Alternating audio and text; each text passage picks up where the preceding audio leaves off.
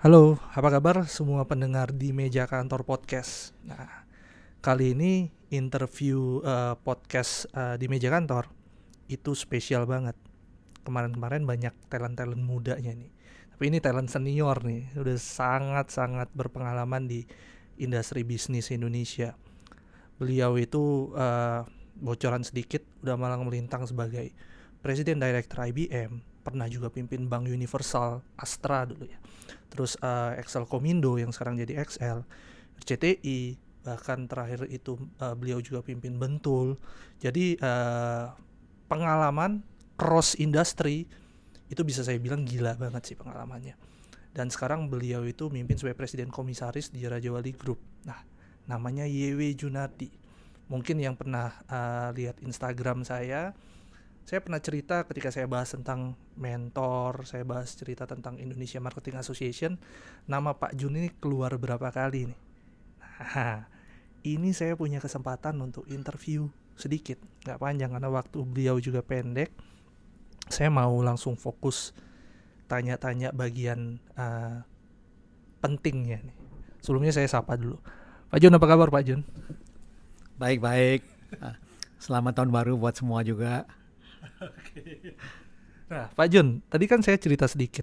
Pak Jun itu sempat jadi leader di banyak perusahaan across industry, teknologi, bank, uh, telco, tobacco dan lain-lain. Nah, cross industry itu banyak yang bilang itu bukan sesuatu yang mudah. Mentalitas, karakter itu mesti kuat. Nah, ngelihat cerita itu satu pertanyaan uh, pertama penting saya. YW Junardi waktu muda itu seperti apa sih? Apakah memang langsung quote unquote sukses dan hebat kayak sekarang? Beliau itu meniti karirnya itu kayak gimana sih? Mungkin beberapa poin simpel Pak Jun boleh cerita nggak ke kita Pak?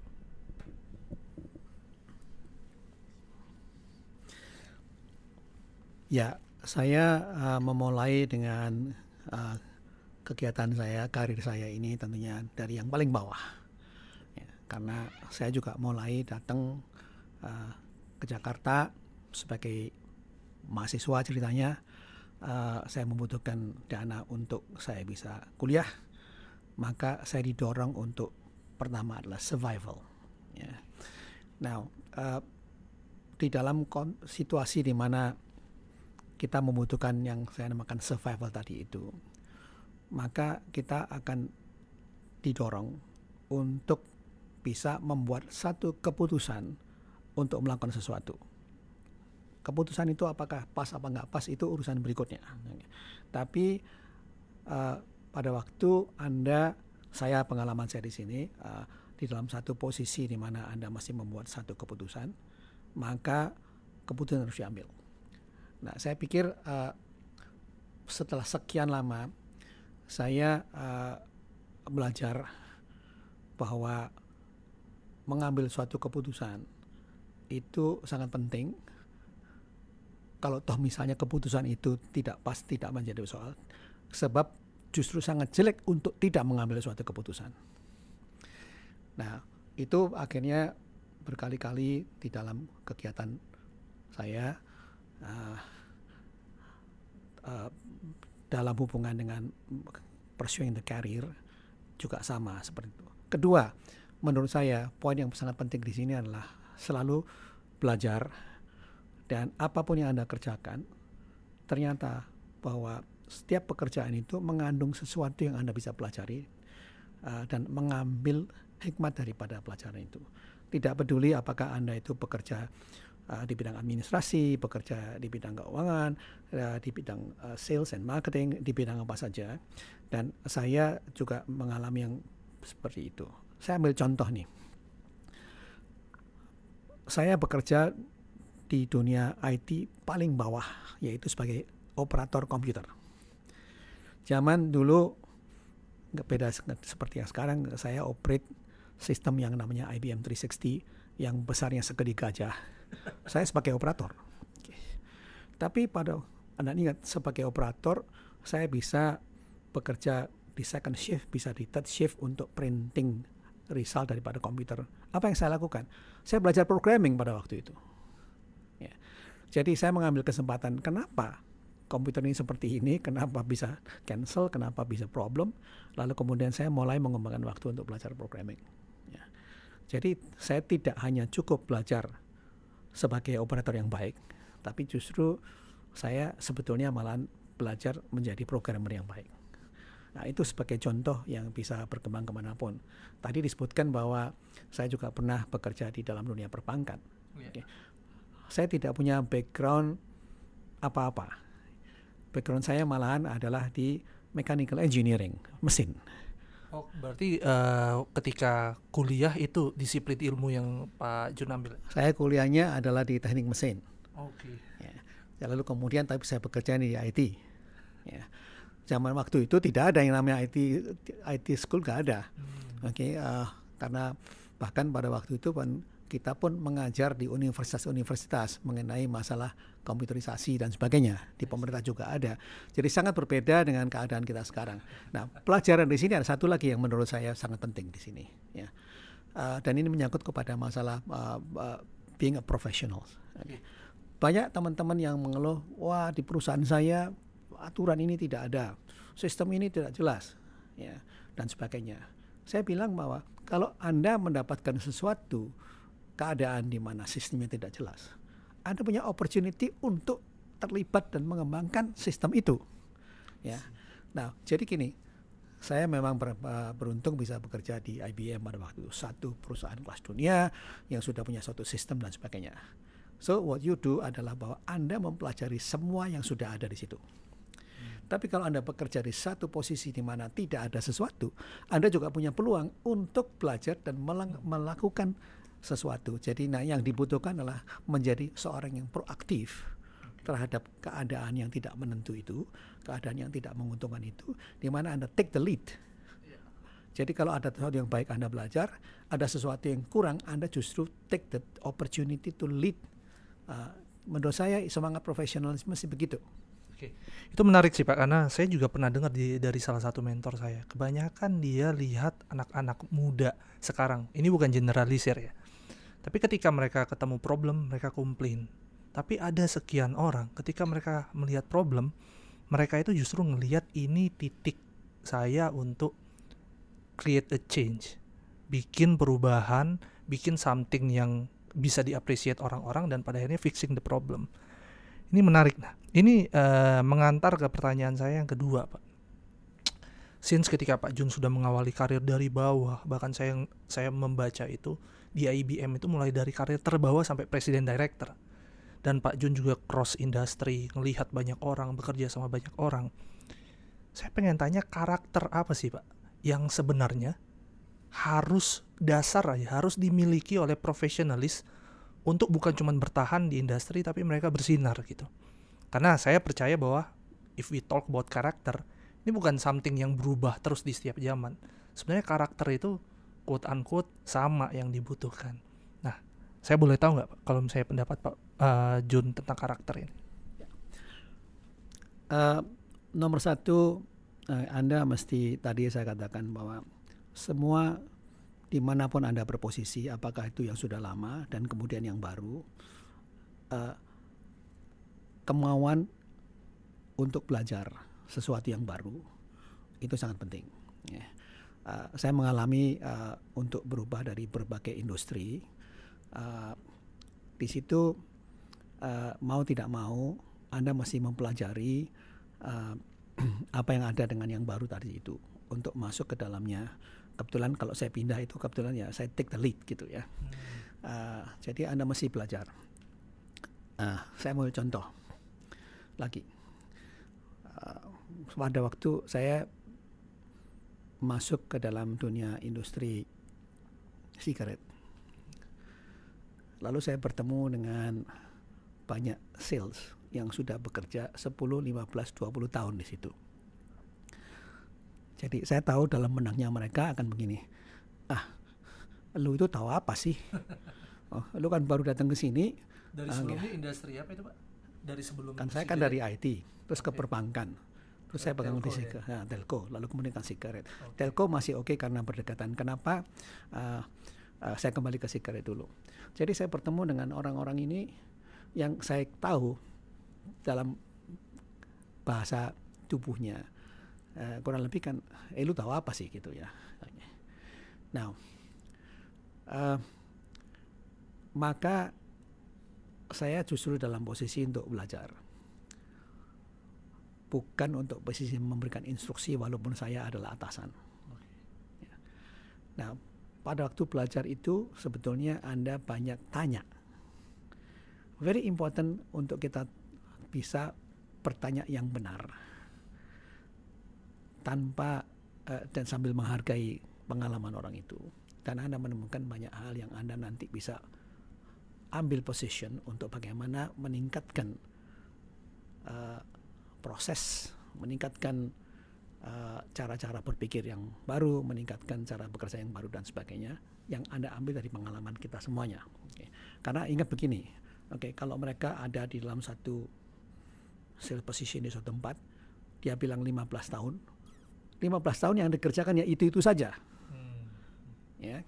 Nah, sedangkan kita berpikirnya adalah bahwa oke, okay, setahun, dua tahun, tiga tahun, setiap saat Anda mesti ada satu improvement untuk melakukan sesuatu yang baru.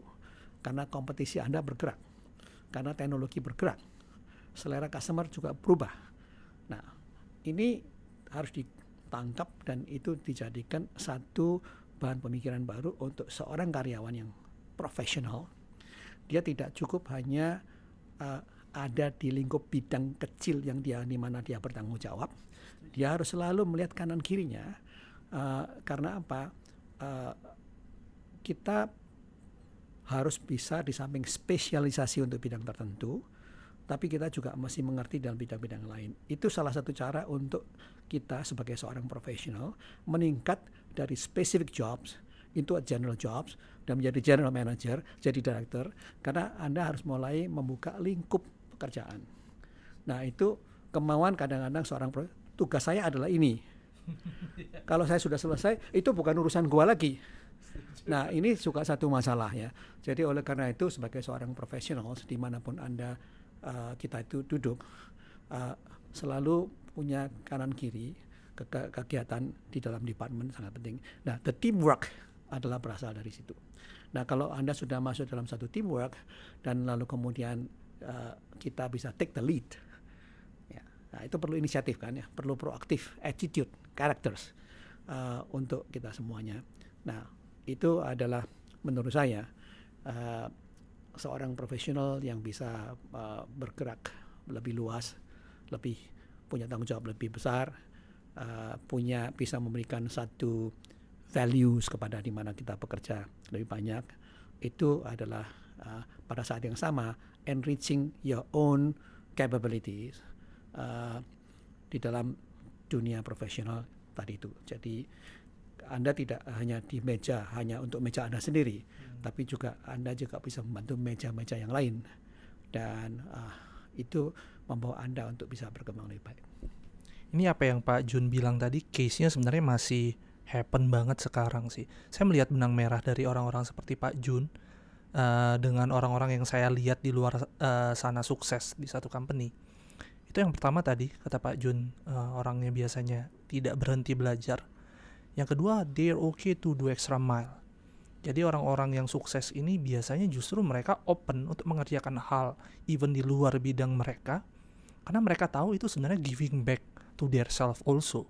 Itu fulfilling uh, what they needs outside of apa yang sudah mereka pelajarin. Nah relate juga nih ke sebelumnya.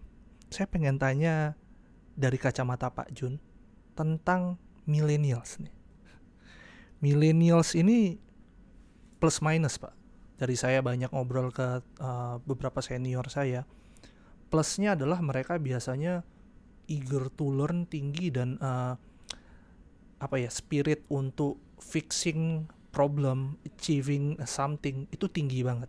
Tapi minusnya ketika mereka nggak betah, mereka gampang move biasanya. Atau ketika mereka ngerasa mereka uh, punya peranan penting secara sifat atau karakter udah mulai angkuh atau apa pun itu. Nah, dengan plus minus ini, nah Pak Jun sekarang juga masih jadi presiden komisaris di sebuah grup usaha yang besar Pak Jun sendiri melihat millennials kita gimana nih Pak? Nah, ini uh, masalah milenial ini menarik sekali ini. Jadi uh, saya uh, secara bergurau mengatakan bahwa saya ini sekarang juga senior milenial saya bilang gitu.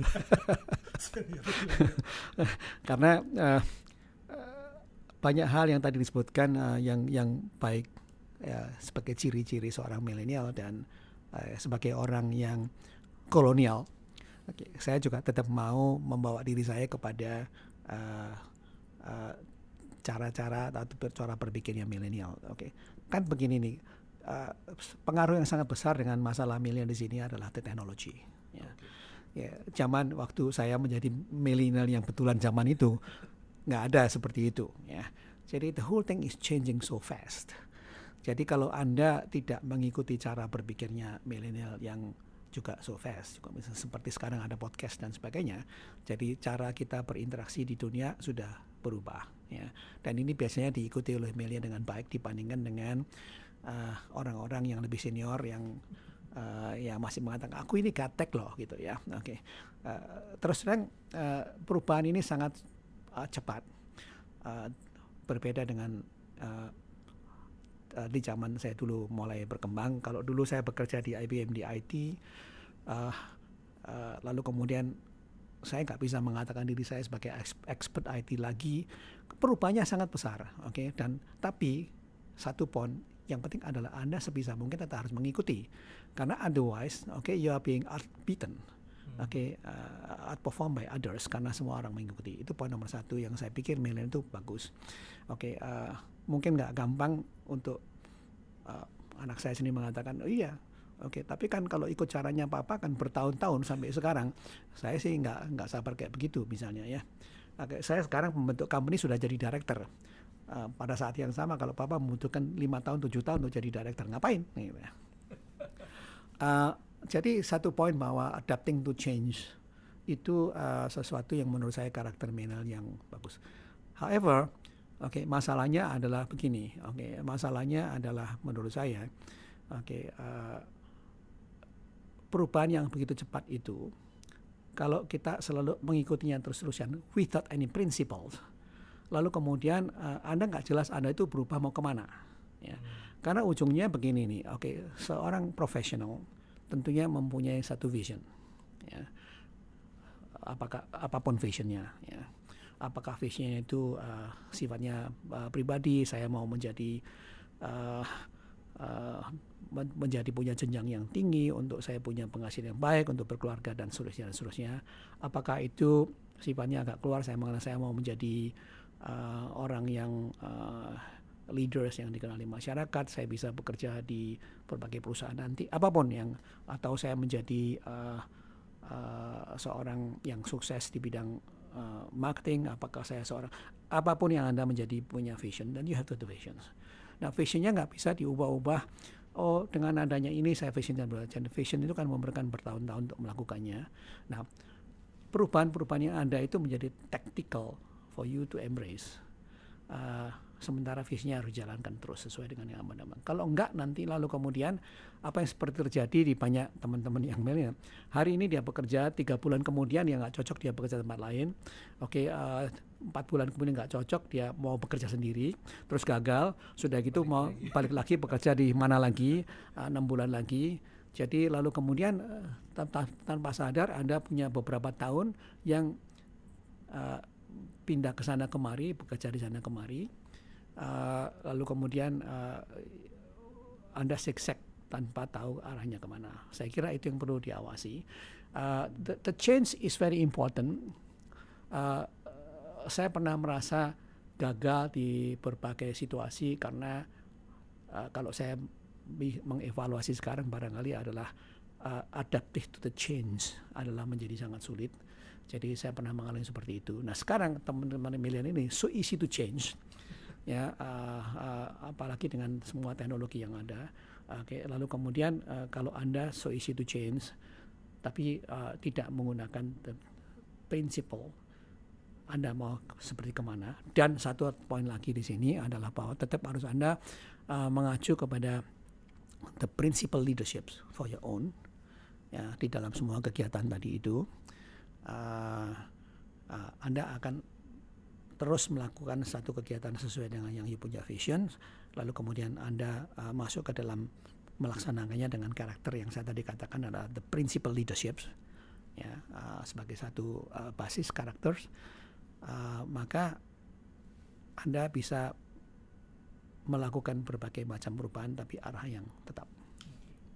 Tadi saya menarik apa yang Pak Jun bilang vision. Jadi di kondisi kita yang uh, banyak terdistract dengan banyak uh, hal yang kita lihat, uh, perubahan dunia sangat cepat.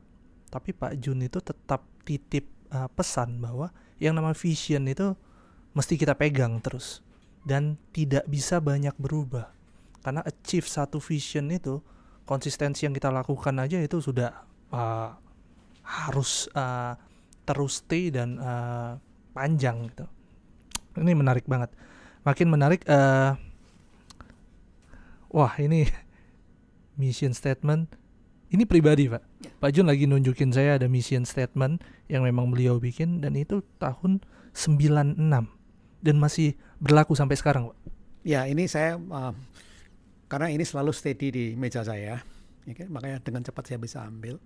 Oke, okay, saya pernah mengembangkan yang namanya mission statement, yaitu vision saya lah ya. Oke, okay, uh, ini saya tuliskan di 5 Februari tahun 1996. ya. Ketika kerja di mana ini Pak? Ini uh, waktu saya ada di Bank Universal dan uh, uh, saya mengajarkan pada waktu itu adalah salah satu session mengenai personal mission statement. Jadi kita mengajak bahwa semua karyawan anda mencoba membuat satu yang dinamakan your own personal mission statement uh, apa pun uh, yang sifatnya adalah tentunya lebih jangka panjang karena namanya mission uh, atau vision. Nah, silakan dibikin dan it's for your own dan silakan Anda lihat itu satu periode enam bulan kemudian Anda lihat lagi, satu tahun Anda lihat lagi, orang kan bisa berubah visionnya silakan diubah, tapi you do it by your own guidance mau ke mana. Nah ini yang saya kasih lihat di sini. Saya punya vision yang dibikin tahun 1996 dan hari ini apa yang saya tulis di sini saya masih sejalan dengan ini. Oke, ini masih jadi mission statement yang Bapak pegang yang masih sampai berlaku sampai ini. dengan hari ini. Jadi mena buat saya. Jadi ini sudah berapa tahun ya? Jadinya uh, sudah 20 sudah, tahun lebih. Iya. ya uh, dan uh, vision saya ini uh, saya lihat masih berlaku sampai dengan apa yang saya kerjakan hari ini. Uh, walaupun mungkin uh, untuk diketahui bahwa saya sudah retired sebagai aktif eksekutif selama sejak tahun uh, uh, 19 uh, 2017 hmm. eh 2007. Okay, Jadi saya itu sudah retired 12 tahun yang lalu. tapi barangkali saya masih lebih sibuk dibandingkan dengan saya uh, daripada sekarang dan karena apa karena uh, lagi-lagi oke okay, pekerjaan itu tidak perlu anda nunggu orang memberi. Satu kegiatan atau pekerjaan itu adalah anda yang menentukan anda mau apa enggak. Dan anda yang ciptakan pekerjaan itu karena dengan anda menciptakan suatu kerja sebagai seorang profesional you create values. Ya. Dan sekarang saya menggunakan vision yang sama untuk kegiatan saya sebagai retired eksekutif uh, dengan pekerjaan-pekerjaan yang lain yang masih berusaha dengan perusahaan tentunya, tapi juga berusaha dengan masalah community dan sebagainya. So beliau bukan lagi eksekutif leader yang directly manage uh, the business, tapi kalau misalnya kalian dengar ceritanya uh, tentang apa yang beliau lakukan sekarang, saya yakin beliau lebih sibuk daripada kalian. Ini uh, menarik banget. Nah, dari semua uh, story positif yang tadi Pak Jun ceritakan, Pak. Saya mau tanya nih, kali ini agak sedikit uh, unpopular question nih, Pak. Seorang Iwi Junardi itu pernah ngerasa paling jatuh, paling gagal di, dengan apa pun konteksnya ya, Pak. Yang menurut Bapak, yang bikin Bapak paling down itu ketika momen apa sih, Pak? Dan mungkin Bapak juga bisa sekalian cerita naiknya lagi itu gimana, Pak? ya kita selalu akan mengalami up and down. Ya, apakah itu okay, uh, dan di, di mana saya bekerja, oke, okay, apakah Oke, mulai dari dulu mengajar di SMA, uh, jualan rokok, jual kerja di kasino, kerja di IBM, lalu kemudian uh, handle semua yang lain sampai dengan hari ini. Di dalam perjalanannya you akan mengalami up and down. Oke. Nah, selalu teorinya memang ngomongnya gampang. Kalau Anda down, Anda belajar dari situ untuk Anda up lagi. Ya. Now, uh, mungkin kalau saya bisa ambil contoh dari semua up and down yang ada, oke, okay, salah satu yang membuat membuat mungkin saya mengalami down yang paling besar itu adalah yaitu kemampuan untuk kita adaptive to change.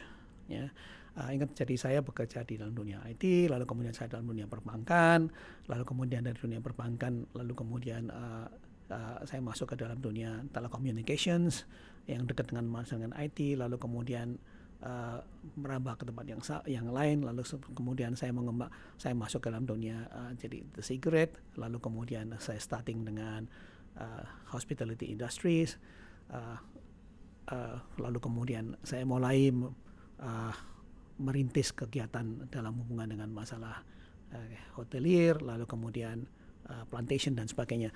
Ya kalau anda mengembangkan dari bawah ke atas itu uh, situasinya beda. Tapi kalau Anda sebagai orang yang ada di atas, lalu kemudian Anda ke bidang yang lain, tadi yang seperti tadi saya katakan tadi contohnya, eh, lu lu bisa lu ngerti apa di dalam kegiatan ini ya, itu. Now, oke, okay, kalau Anda masuk ke dalam satu situasi seperti itu, yang saya pernah coba mengalami juga, lalu kemudian Anda akan bergeser bergeser dengan ber, apa uh, uh, uh, timbul friksi dengan manajemen-manajemen yang lama yang ada dan sebagai orang yang baru masuk, Anda kalau tidak bisa melihat that you want to change somebody else, pertama Anda masih mengerti bahwa Anda you have to change yourself first. Oke, okay, jadi uh, Anda masih menempatkan diri ke dalam satu posisi uh, dengan tempat di mana Anda berada yang baru, oke, okay, uh, dan itu uh, memerlukan satu change of the attitude. Anda tidak bisa mengatakan bahwa gua ini jagoan nih, gua pengalaman di sana gua sukses. Oke, okay, terus Anda masuk ke tempat yang lalu, Anda masih mau membawa sukses yang lama, ya uh, di dalam situasi yang berbeda. You cannot do that. Jadi uh, yang Anda hanya tetap harus bawa adalah the characters, ya semangat untuk belajar, be proaktif, uh, uh, listening to others dan sebagainya. Tapi kalau Anda mulai memulai dengan telling, dan Anda mendapatkan satu penolakan dan pada waktu Anda mendapatkan satu penolakan Anda akan merasa down karena Anda tidak diterima oleh orang. Oke. Okay. Nah, itu pun perlu sensitif. Kadang-kadang ada orang yang oh, pokoknya gua direktur nih, oke. Okay.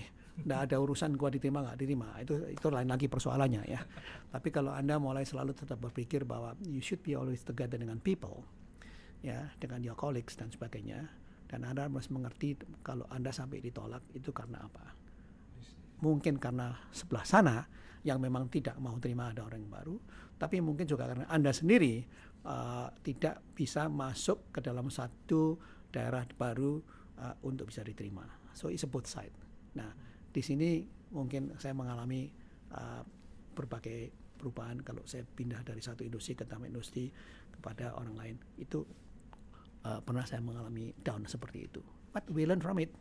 Lalu kemudian uh, saya juga belajar di berbagai industri dan dari dari pengalaman-pengalaman situ jadi anda uh, tahu. Nah ini semangat milenialnya jadi bagus ini karena apa? Biasanya milenial adaptive to change. Yeah. Oke, okay, kalau kita kita dulu ini nggak gampang ya uh, to change. Lalu merasa saya sudah hebat gitu.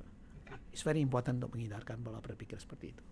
Menarik sih ada. Saya pun punya story yang hampir mirip sih ketika saya masuk ke salah satu perusahaan telco dan dulu judulnya saya jadi katanya GM termuda di industri. Masuk itu tanpa bisa menghindari ada sedikit kesombongan dan keangkuhan, merasa bisa semua, tapi ketika masuk ternyata ya saya tidak berhasil menaklukkan uh, orang-orang lamanya. Itu berpengaruh ke semua performansi kerja saya ketika orang merasa saya sedang berada di puncak karir saya justru merasa saya sedang berada di paling bawah karir. Tapi persis apa yang Pak Jun bilang tadi kalau kita nyerah pada saat itu ya kita kalah. Yang kita lakukan bukan melawan dengan keras tapi beradaptasi masuk menyesuaikan uh, karakter, cara bicara dengan orang-orang yang udah ada di sana, belajar dari mereka-mereka yang sudah lama di sana, baru pada akhirnya bersama-sama kita memimpin mereka masuk ke era atau uh, sistem yang lebih bagus gitu. Ini menarik, menarik banget sih. Nah, uh, pertanyaan terakhir nih Pak. Pertanyaan terakhir saya, jikalau Pak Jun itu sekarang punya kesempatan untuk ngomong ke semua millennials yang sekarang lagi jadi profesionalis, working in uh, some company, uh, kerja dari berbagai profesi gitu. Saran apa yang Pak Jun bakal kasih buat kami, Pak? Untuk at least sekali lagi bukan cuma bertahan di industri, bertahan sih yang bisa banyak, tapi uh, menang jadi seseorang dan bring value to the company. Saran apa sih, Pak? Uh, pertama begini, oke. Okay, uh, kita ini tidak tahu tidak terlepas kita posisinya ada di mana oke okay. uh, kita harus merasa bahwa apa yang kita kerjakan itu besar atau kecil punya values to the company ya jadi confidence itu harus ada sehingga anda harus merasa bahwa anda itu punya nilai kalau anda merupakan skrup kecil dalam satu engine yang besar kalau skrup ini copot itu mengganggu keseluruhannya anyway. Ya. Jadi oleh karena itu uh, kalau anda direktur atau anda staff atau anda clerk semua punya peranannya masing-masing uh, dan itu sangat berguna. Ya. Itu poin yang nomor satu karena saya melihat kadang-kadang orang-orang merasa aduh saya ini apa sih uh, ya gitulah oke. Okay. Nah uh, konsep pola berpikir itu yang saya kira perlu kita jauhi.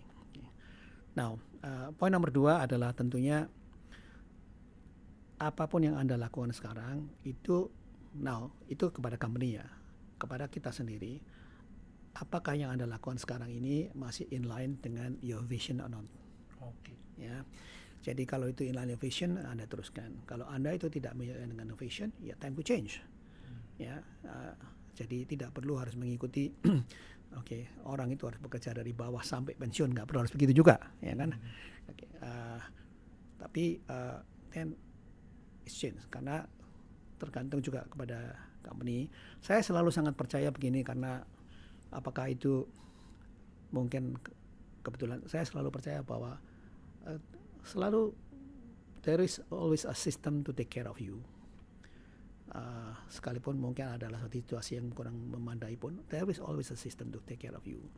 Jadi uh, saya selalu mencoba untuk saya menempatkan diri saya sebagai seorang profesional okay, strike dan do the best sebagai seorang profesional yang mencoba bisa creating the value. Dan itu akhirnya itu diterima oleh kanan kiri diterima oleh atas diterima diterima oleh ini. Dan then you become uh, leader. Kalau toh misalnya bukan legally leader ya tidak perlu harus jadi direktur. Tapi you are leading the team you are leading the environment. Uh, itu menjadi sangat sangat penting okay. nah nggak ada konsep lalu uh, gua untuk naik ke atas gua mesti nyogok lah apa segala macam gitu mungkin ada situasi yang seperti tapi then when you do it right oke okay, saya saya sangat percaya oke okay, we will do it right dan sistem akan bantu nah kalau sekarang misalnya uh, ternyata tidak ada dan itu tidak bisa dengan cara itu anda tidak bisa mencapai your your, your mission statement ya sudah oke okay. then uh, change karena akhirnya kan harus change juga gitu ya yeah. nah hanya tadi tuh jangan setiap kali anda merasa ada masalah lalu change nanti ada masalah lagi change lagi uh, uh, jadi nanti itu menjadi kayak keluar masuk sebagai karena begini ya saya juga mau tambahkan kalau saya rekrut orang oke okay, uh, biasanya baru dan sebagainya even management level saya juga akan perhatikan berapa lama dia pindah. Kalau sekarang dia ini adalah setiap satu tahun ganti perusahaan, saya, saya juga ragu-ragu loh. Apakah saya akan terima orang ini? Ya, oke. Okay. Jadi uh, saya selalu akan pertanyakan, why you change so much so time? Oke, okay, nggak cocok apanya gitu. Wah, kalau gitu sedikit nggak cocok, lu juga keluar dari sini nih. Ya, jadi itu juga secara kredensial juga nggak bagus. Ya, nah itu juga mungkin yang perlu diperhatikan juga. Ya, menarik banget nih cuman mungkin sekitar setengah jam uh, sesi saya ngobrol. Sebenarnya sebelum sesi ini saya udah ngobrol panjang juga sama beliau. Tapi setiap uh, ketemu beliau tuh banyak banget yang bisa saya dapatkan. Pak Jun ini adalah bukti nyata apa yang dulu saya pernah baca. Orang itu baru tua bukan karena umur tapi ketika mereka berhenti berpikir. Pak Jun tuh sampai sekarang masih mikir terus. That's why kalau ngelihat beliau eh, memang spiritnya memang nggak pernah tua sih. Nah saya juga baca bahkan buku Pak Jun masih jadi pegangan saya sampai sekarang. Nama judulnya Full Circle. Situ beliau punya prinsip uh, learn lead and serve kayaknya sampai sekarang itu masih dipegang betul oleh beliau. Learn karena beliau terus uh, belajar sampai sekarang. Lead karena sampai sekarang pun beliau masih lead banyak hal. Ada yang sifatnya ya bisnis ada yang sifatnya uh, non bisnis serve karena Pak Jun itu punya banyak banget kegiatan yang sifatnya kayaknya uh, without a commercial objective uh, for him. Tapi lebih karena beliau pengen merubah uh, banyak hal yang memang belum optimal jadi lebih optimal. Mungkin sesi lainnya teman-teman bisa google story tentang Pak Jun. Saya yakin pasti ada banyak media yang juga sudah bahas. So terima kasih banget Pak Jun. Uh, ini nanti bakal saya kirim linknya untuk Pak Jun juga bisa denger ya. Dan ini saya happy banget karena story Pak Jun bakal banyak didengar oleh millennials dan mungkin terinspirasi uh, dan saya harapkan uh, semoga kalau Pak Jun punya sosial media mereka bisa sapa-sapa Pak Jun nih langsung langsung dan nanya-nanya gitu. Oke, okay, sekali lagi terima kasih Pak Jun. Uh, semoga bermanfaat. pasti Pak. Oke, okay, uh, terima kasih juga untuk kalian udah stay untuk dengar uh, podcastnya di meja kantor. Semoga kasih inspirasi dan uh, sampai ketemu lagi.